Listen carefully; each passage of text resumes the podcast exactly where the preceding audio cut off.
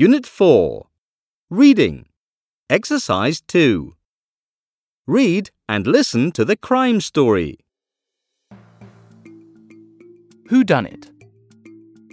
When Max Luther walked through the living room to go to his study at 4 p.m., the painting was on the wall.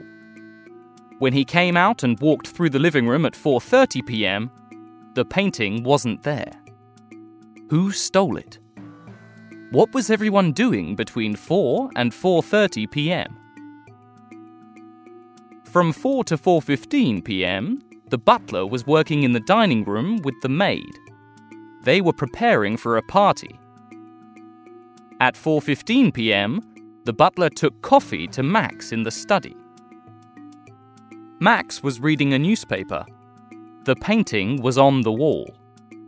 Max's daughter, Clarissa, and her boyfriend, Ray, were playing tennis in the garden. At 4:20 p.m., the butler came out to the garden from the dining room. He told Clarissa that there was a phone call for her. She went into the house and the butler stayed in the garden. But there wasn't anyone on the phone. She stopped for a moment to talk to the maid in the dining room. The butler came into the dining room and joined the conversation.